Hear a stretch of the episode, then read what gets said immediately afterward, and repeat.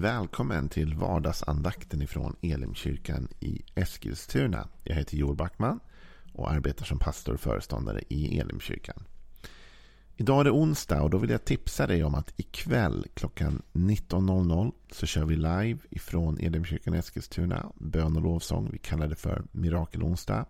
Och det går 19.00.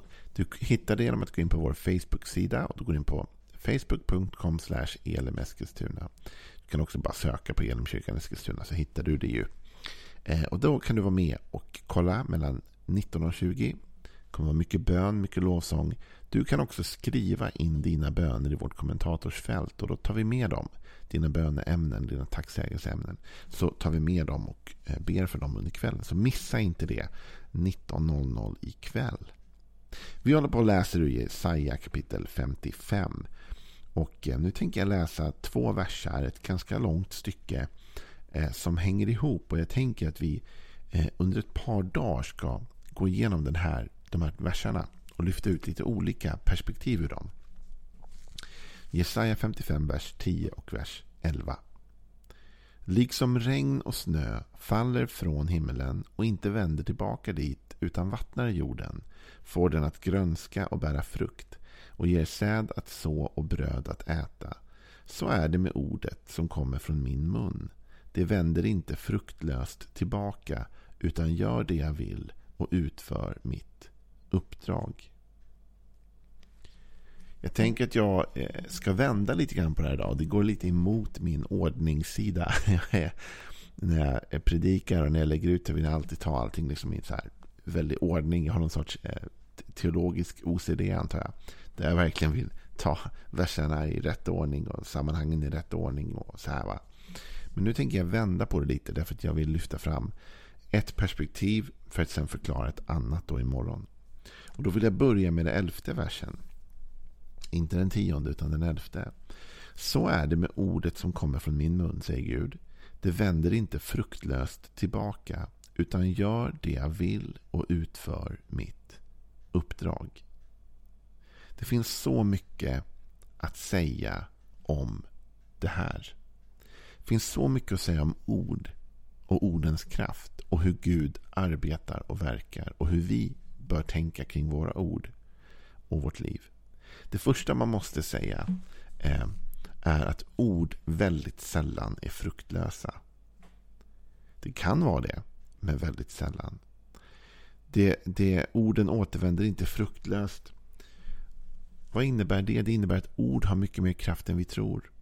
Ord skapar resultat, frukt. Alltså vi tror kanske att ord bara är, är saker vi kastar ur oss. Men det är de inte. Ord är kraft. Ord har förmåga att förändra saker, situationer, människor. Ord är det kanske mest kraftfulla nästan vi har. När vi talar så skapar vi. Vi skapar med vår mun.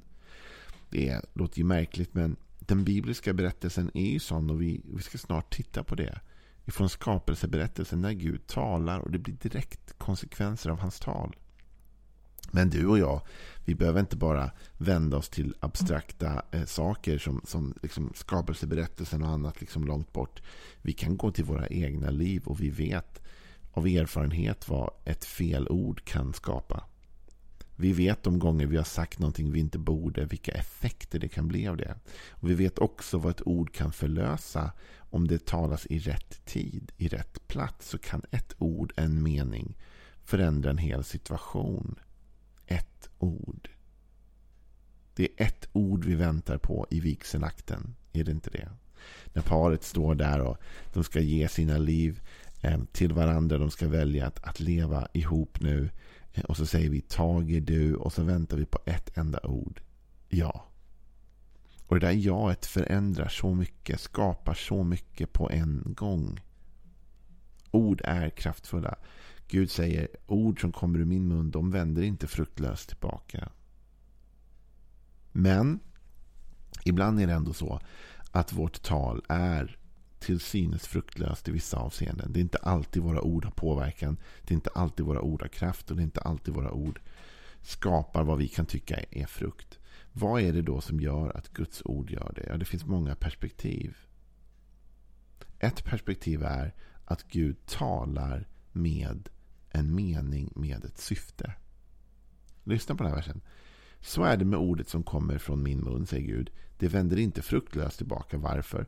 Utan det gör det jag vill och utför mitt uppdrag. Så här säger ju Gud att han talar med ett syfte, med en mening. Det, det här orden, de ska göra någonting. Jag har en vilja med mina ord. Jag kastar inte bara ur mig ord, utan jag har en tanke att de här orden ska utföra någonting. Det är ett uppdrag. Jag har gett mina ord, mitt tal, ett uppdrag. Tänk om du och jag, jag är ju liksom professionell pratmakare. Va? Jag pratar hela tiden, snackar jämt liksom. Och det kan ju bli att man kastar ur sig ord lite för hastigt och för ogenomtänkt. Men tänk om du och jag började använda våra ord på ett sådant sätt att vi tänkte de här orden har ett uppdrag. De här orden har ett syfte. De här orden jag nu talar är inte ord jag bara kastar ur mig utan det är ord som jag ger ett syfte, en mening. Jag talar medvetet för att de här orden ska skapa någonting. Jag går till mitt arbete och jag talar ord för att medvetet skapa en bättre arbetsmiljö. Jag går till min fru och jag säger saker för att medvetet bygga upp henne och, och liksom ge henne glädje och, och ge vårt äktenskap en bättre möjlighet genom att jag talar medvetna ord, inte omedvetna ord. Jag kastar inte bara ur mig en respons. Utan när jag talar så talar jag medvetet och mina ord har ett uppdrag. Och när mina ord har ett uppdrag och ett syfte då blir de, då bär de frukt. Då blir de produktiva. Då kommer de att förändra saker. Det är allt det där meningslösa snacket. Det är allt det här snacket som bara liksom kastas hit och, och kastas dit som egentligen inte leder någonstans alls. Ska vi se på hur det här i, i funktionen går till. För vi har ju ett exempel. Det är när Gud skapar världen i första Moseboken. Då. Så i första Mosebok så står det i det första kapitlet och den första versen. I begynnelsen skapade Gud himmel och jord. Jorden var öde och tom och djupet täcktes av mörker. Och en Guds vind eller Guds ande svepte fram över vattnet. Och Gud sa Ljus bli till. Och ljuset blev till. Gud såg att ljuset var gott och han skilde ljuset från mörkret. Och Gud kallade ljuset dag och mörkret kallade han natt. Det blev kväll och det blev morgon. Det var den första dagen. Gud sade i vattnet ska ett valv bli till. Och det ska skilja vatten från vatten. Och det blev så. Och så här fortsätter hela skapelseberättelsen. Gud sa och det blev. Lägg märke till hur medvetet Gud talar i vers 3. När han säger Gud sa ljus bli till. Gud talar medvetet med sina ord. Han säger ljus, han talar till ljuset och han talar till ljuset vad det ska göra, det ska bli till. Så han använder sina ord så oerhört medvetet. Likadant när han i vers 6 säger i vattnet ska ett valv bli till och det ska skilja vatten från vatten. Gud talar specifika instruktioner till sin skapelse och skapelsen producerar det Gud säger. Om du tycker att ditt liv producerar dåligt eller inte producerar det du vill att det ska producera. Hur talar du? Vad säger du? Vad har du för ord egentligen? Du måste inse att dina ord är kraftfulla.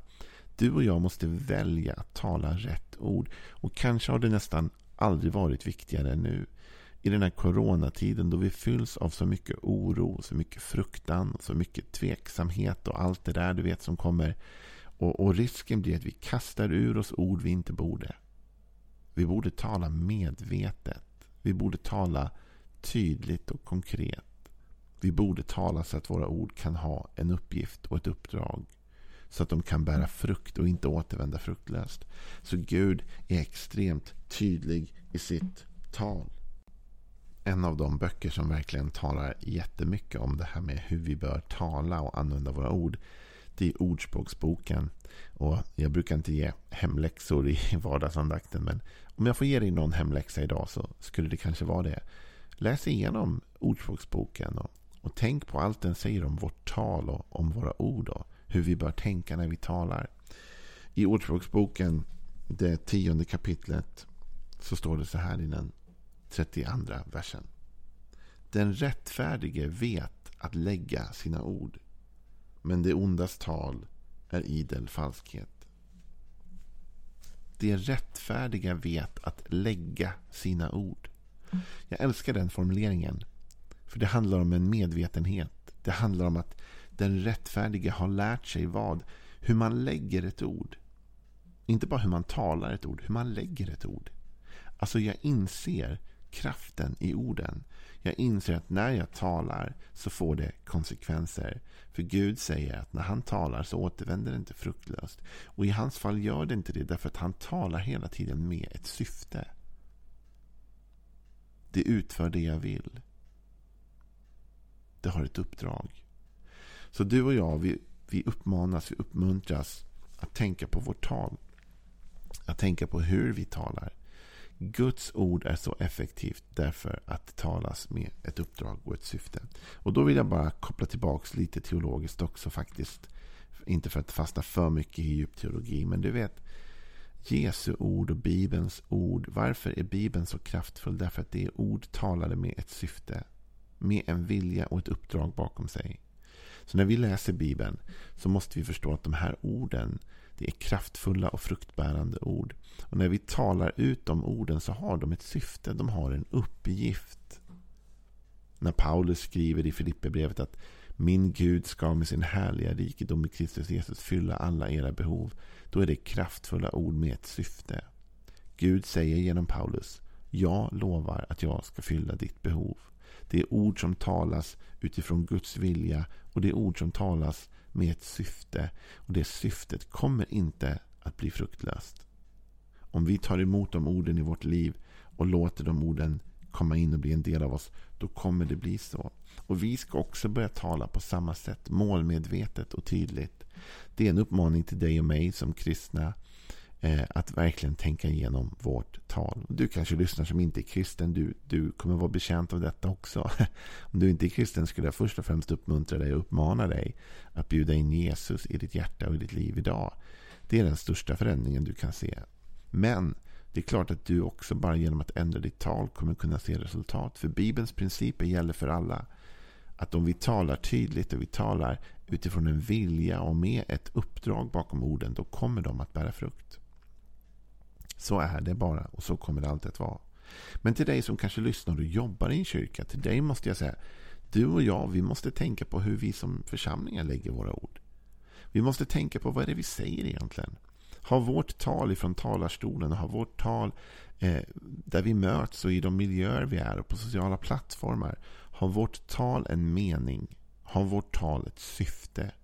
Talar vi genomtänkt eller kastar vi orden? Det här var den stora skillnaden mellan den rättfärdige och den orättfärdige här i Ordspråksboken då, i just den här versen. Det var att den rättfärdige vet att lägga sina ord. Han har tänkt igenom, men den orättfärdige, den, den talar falskhet. Dens ord går inte att lita på. De orden kommer inte bära frukt därför att det är inte ord av sanning, det är inte ord av verklighet, utan det är ord av falskhet och lögn. Men den rättfärdige vet att lägga sina ord. Och hur lägger man dem? Man lägger dem utifrån en vilja och man lägger dem utifrån ett tydligt uppdrag. För då gör man det Gud säger till oss att göra. Så låt oss avsluta med de här orden från Gud igen och veta att hans löften går verkligen att lita på i alla lägen. Därför det är han som själv har sagt att så är det med ordet som kommer från min mun. Det vänder inte fruktlöst tillbaka utan gör det jag vill och utför mitt uppdrag. Ha en välsignad onsdag.